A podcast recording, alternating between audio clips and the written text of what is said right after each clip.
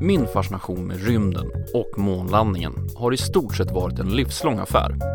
Allt från att jag ofta satt uppflugen i soffan med Carl Sagans bok Kosmos, som även gick på TV när jag var liten, kollade in alla rymdbilder i tidningen National Geographic, till lyckan av att få en plastmodell av rymdfärjan Columbia av grannen när han hade varit i USA. Men det starkaste minnet jag har är när jag står på en stol i hallen i familjens hus i Knivsta och lyssnar in i telefonluren. För i andra änden på telefonluren hör jag sprakande röster som pratar med varandra på engelska. Rösterna, ja de tillhör NASAs markkontroll i Houston och astronauterna ombord på en av rymdfärjorna vid den här tiden. Kanske är det den här rosa skimrande bilden som har hindrat mig från att se ljuset. Att inse att NASAs program att sätta en människa på månen egentligen var ett enda stort falskspel. För det är inte en helt ovanlig uppfattning som en del har, att månlandningen var en enda stor konspiration. För oavsett om det handlar om att bara Apollo 11 skulle ha fejkats eller att hela Apollo-programmet var en enda stor konspiration så finns det misstro mot historieskildringen och vetenskapen där. Och det, ja, det ska vi prata om idag. För ni ska vara hjärtligt välkomna till det här avsnittet av Kvalificerat Hemligt. Den här gången om Apollo 11, månlandningen och de konspirationer som omgärdar NASAs historiska program. The theories expressed are not the only possible interpretation. Viewers are invited to make a judgment based on all available information. Well, you're the one getting money for something you didn't do. You're getting a lecture for walking on the moon when you didn't. Well, that's called being a thief. That's called being a thief. There is not a single star in the sky. It is completely dark. Where are the stars? I don't understand. NASA claimed that they were washed out on the development. There was too much exposure, you know, everything like that. And the cameras weren't that great back then. But why can we take pictures of stars here on Earth, but we can't take pictures of stars from the moon? Saying I You misrepresented get myself. away from me. You're a coward and a liar and a thief.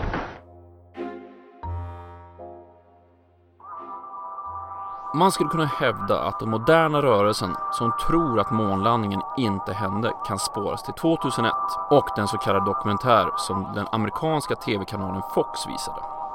Dokumentären med titeln Did We Land on the Moon tog ett antal gamla påståenden som sedan länge var motbevisade och lyfte upp dem till en helt ny publik. Men eh, låt oss börja med en kort historielektion innan vi ger oss in i konspirationsträsket. Vi ska gå tillbaka lite drygt 60 år i tiden och se vad som skedde när människan för första gången började leta sig utanför jordens atmosfär. Året var 1957 och USA levde i förvissningen om att man var teknologiskt och militärt överlägsna det kommunistiska Sovjetunionen. Även om Sovjet hade lyckats skapa en atombomb fem år efter USA var amerikanska statsmakten fortfarande trygg i vetskapen om sitt försprång. Plötsligt, 4 oktober 1957, hörs ett svagt pipande från rymden.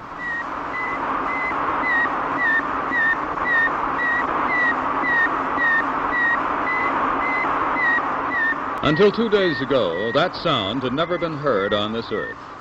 Suddenly, it has become as much a part of 20th century life as the whir of your vacuum cleaner. It's a report from man's farthest frontier, the radio signal transmitted by the Soviet Sputnik, the first man-made satellite as it passed over New York earlier today. Sovjetisk media basunerar ut att man lyckas skicka upp en satellit i omloppsbana runt jorden. Sputnik. Det här är inte bara en gigantisk propagandavinst för USAs bittra rival i kalla kriget. Det är på samma gång ett bevis för att USAs avstånd till Sovjetunionen, med världshav mellan dem, inte längre spelar någon som helst roll. För om Sovjet kan skjuta upp en satellit i omloppsbana kan de även använda samma typ av raket, men med en mycket dödligare last för att bomba USA. Något måste göras och det snabbt. USAs kongress sjösätter bland annat National Defense Education Act, ett program för att säkra tillgången till forskare, ingenjörer och annan essentiell kunskap inom till exempel försvar och rymdfart. Och 1958 skapade dåvarande presidenten Dwight D. Eisenhower NASA, National Aeronautics and Space Administration. den federala myndighet som har ansvar för den civila rymdfarten. Den här myndigheten, NASA, tar nu över ansvaret från flygvapnet för att få upp en amerikan i rymden och programmet, ja, det får namnet Mercury.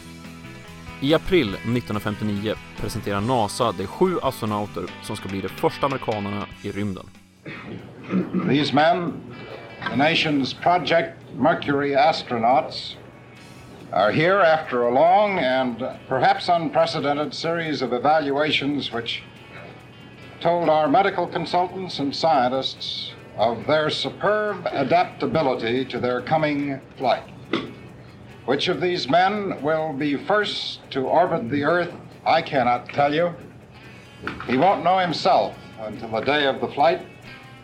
Förhoppningen är också att en av dessa ska bli den första människan i omloppsbana runt jorden. NASA drar igång ett massivt arbete med att anpassa existerande och att ta fram nya raketer samt kapsel. Ständigt medvetna om att Sovjetunionen arbetar med exakt samma mål, att bli först ut i rymden. I april 1961 nås USA av det förödande beskedet att den ryske kosmonauten Jurij Gagarin i dryga två timmar har färdats i en omloppsbana runt jorden. Man had his first great success in space when the Russians pushed a man across the threshold. He was Yuri Gagarin, the astronaut the Russians lionized as the first to orbit the Earth.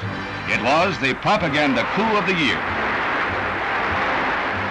Men även om man nu är puck 2 så lyckas man med konststycket att få en amerikan i omloppsbanan. Det är till slut John Glenn som i februari 1962 blir den första amerikanen att färdas runt jorden.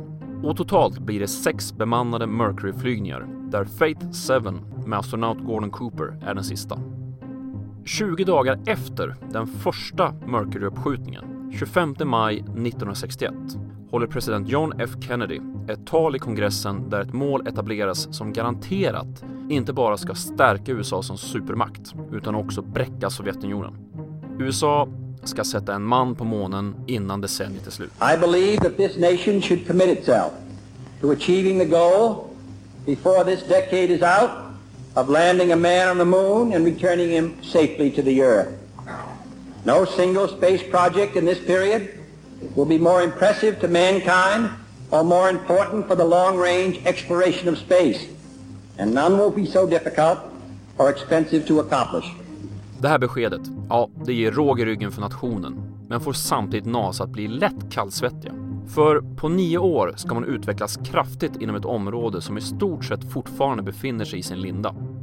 När talet hålls är det fortfarande nästan åtta månader kvar innan man ens haft en astronaut i omloppsbana runt jorden. Men skam den som ger sig. Redan innan Mercury-programmet är klart påbörjas programmet Gemini med målet att genomföra långtidsvistelse i rymden, dockning mellan två kapslar samt genomföra en EVA, Extravehicular activity. eller enkel uttryckt en rymdpromenad. Totalt 10 flygningar med 16 astronauter genomförs mellan mars 1965 och november 1966 där alla målen möts. De här målen, ja, de är en del i att testa hårdvaran, organisationen samt principerna bakom de steg man måste ta för att nå månen och komma hem säkert igen. För att möta målen i de olika programmen är NASA tvungen att anställa många internt men också anlita en uppsjö med entreprenörer. När NASA är som allra störst, i mitten av 60-talet, ryms det dryga 400 000 anställda, internt och externt hos entreprenörer. Och bara som ett exempel, bara Apollo-programmet i sig kom att kosta i dagens värde dryga 115 miljarder dollar. På mitten av 60-talet omsatte NASA 4% av hela USAs statsbudget. NASA väljer ut 32 astronauter till Apollo-programmet. Det program som följer på Gemini och är det slutgiltiga steget mot månen. Nu påbörjar man det gigantiska och mödosamma arbetet att öva, träna och planera varje enskilt inkrementellt steg i programmet.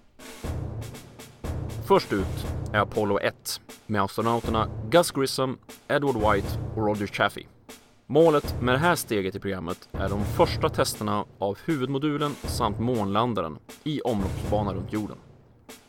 27 januari 1967 övar besättningen i kapseln iförda utrustning och med full trycksättning av kabinen med rent syre.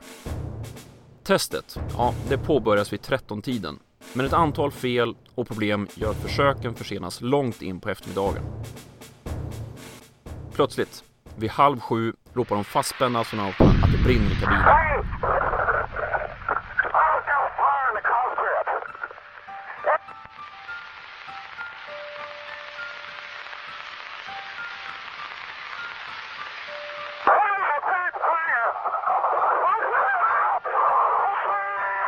Den syrefyllda kapseln övertänds direkt och förloppet är alldeles för snabbt för att någon ska hinna reagera. Istället brinner de tre astronauterna inne.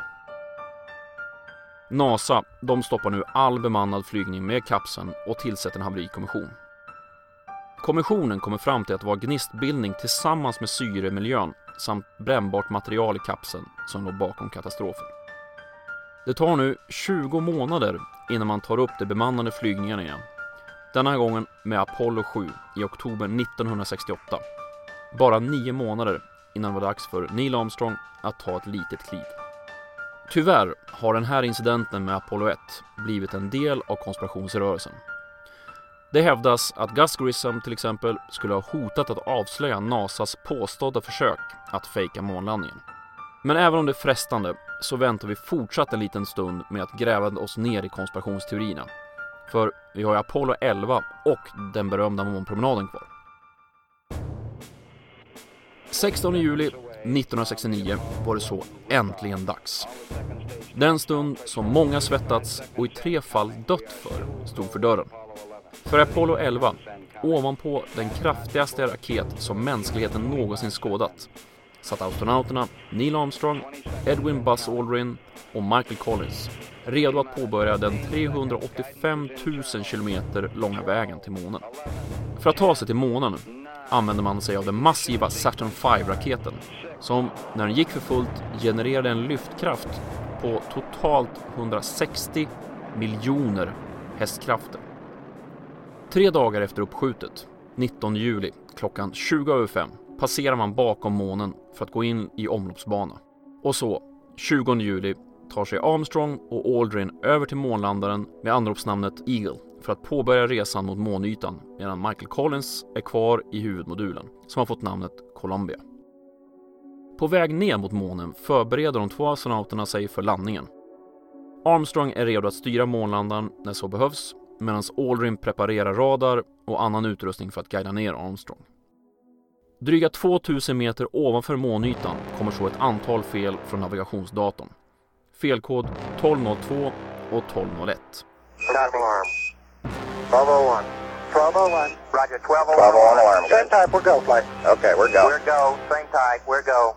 Till slut drar man slutsatsen från Houston att det inte är någon fara. Datorn matas med så mycket värden att den inte hinner med de mindre viktiga åtgärderna. Nedstigningen fortsätter men de två astronauterna har varit så fokuserade på att få ordning på datorfelet så när de väl börjar inspektera landningsplatsen lite mer noggrant ser de att området är strösslat med stora stenbumlingar. I vissa fall är de stora som hus. I det här läget, ja, då bestämmer sig Armstrong för att ta över en viss styrning av månlandaren. Guidar den förbi stenblocken och hittar en planare och renare yta att sätta ner farkosten på. Dryga 30 meter upp så får astronauterna varning från Houston.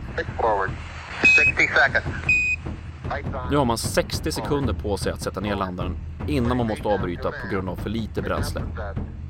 Och att avbryta det här läget, ja, det innebär att uppdraget är slut och man måste åka hem igen med outrättat uppdrag. Armstrong, han koncentrerar sig för att hitta en landningsplats medan han matas med data från Aldrin. Och till slut, landarens fyra ben har kontakt med månytan, motorerna stängs av och Armstrong kan anropa Houston, inte som månlandaren, utan från en fysisk plats. Tranquility Base. Tranquility Base here. The Eagle has landed. Och resten? Ja, det kan man lugnt påstå verkligen är historia. Världen får se Armstrong ta de första stegen på månytan och höra när han yttrar de odödliga orden. It's one small step for man. One Drygt 21 timmar efter att de två astronauterna har landat med månlandaren lämnar de så månen bakom sig för färden hemåt. År 24 juli landar de tre astronauterna i Stilla havet 24 kilometer ifrån hangarfartyget USS Hornet. Tyvärr fick inte astronauterna njuta av hemkomsten utan man sattes i karantän direkt, under 21 dagar, då man inte visste om de hade fört med sig någon otrevlig organism från månytan. Men så, 10 augusti släpps man ut och 13 augusti var det dags för en enorm parad genom tre städer, New York, Chicago och Los Angeles med de tre astronauterna.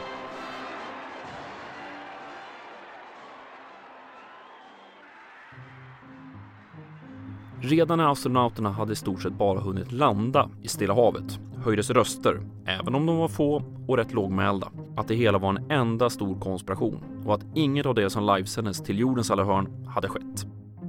Men det var först 1974 som en herre vid namn Bill Casing, en journalist som jobbat med PR hos en underentreprenör till NASA, tog fram skriften We never went to the moon, som dessa idéer och påståenden fick en större spridning. Casings kritik var både naiv och faktiskt rätt snarstucken. Grunden i hans argumentation var att NASA var för tekniskt inkompetent för att överhuvudtaget lyckas sätta en astronaut på månen. Även om Casings kritik var rätt svepande hade han också konkreta punkter som fortsätter leva vidare även idag. De här påståendena ansåg han var bevis för att månlandningen var inspelad på jorden och inte hundratusentals kilometer härifrån. Till exempel, på bilder från månlandningen ser man hur astronauterna sätter upp en amerikansk flagga och väl på plats börjar den klart och tydligt vaja. Hur kan den här flaggan sättas i rörelse om det inte är så att någon form av vind får den att röra på sig? Och hur kommer det sig att inga stjärnor syns på alla foton som togs? Och framförallt, kanske allvarligast, den strålning som omgärdar jorden hade garanterat döda astronauterna innan de ens var halvvägs till månen. Hur tog man sig förbi den? Låt oss börja med strålningen. För det är det påstående som i alla fall för de som inte läst på så mycket upplever som någorlunda rimligt. Strålningen man pratar om här, det är det så kallade Van Allen-bältet som omgärdar jorden likt två stycken donuts. De här två bältena orsakas av att jordens magnetfält fångar protoner och elektroner från solen och kosmisk strålning. Det inre av de här två bältena är det starkaste. Och enligt konspirationstroende skulle alltså de här två bältena hindra oss människor från att lämna jordens omloppsbana. En oskyddad människa skulle få en dödlig dos om hen befann sig i det inre bältet under lite längre tid. Men eh, astronauterna, de färdades förhållandevis snabbt genom bältet.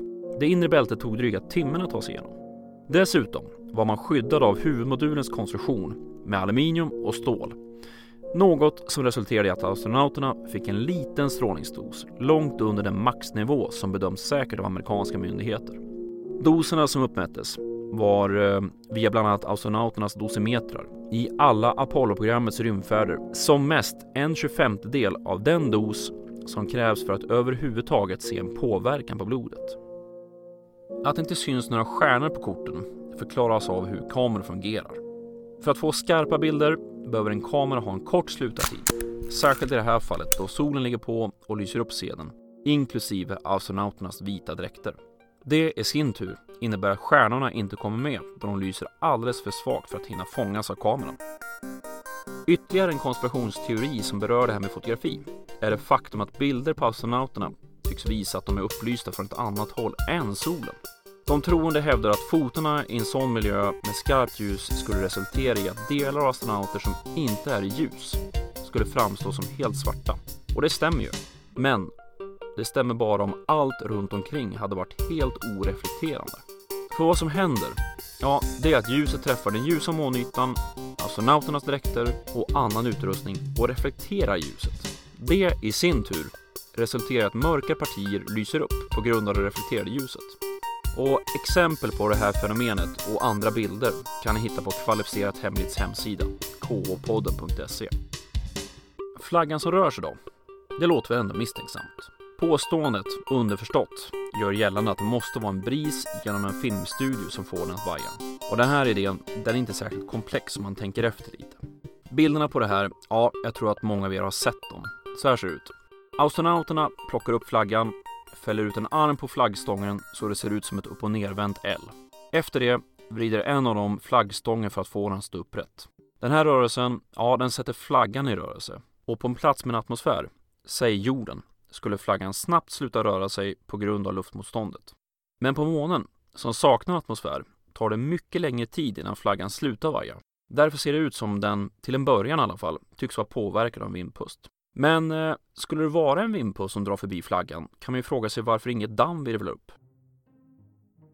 Men det är inte bara casing som ligger bakom alla konspirationsteorier och påståenden kring månlandningen. Naturligtvis finns det fler personer och organisationer som hävdar att det är något lurt här. Som jag nämnde tidigare kring branden i Apollo 1-kapseln så finns det de som tror att branden var iscensatt för att tysta en eller flera visselblåsare. Alternativt hävdas det att NASA inte ville ha Grissom som första mannen på månen. Det här enligt de troende på grund av att Grissoms Mercury-kapsel, Liberty 7, sjönk vid landningen på havet på grund av en felaktig lucka.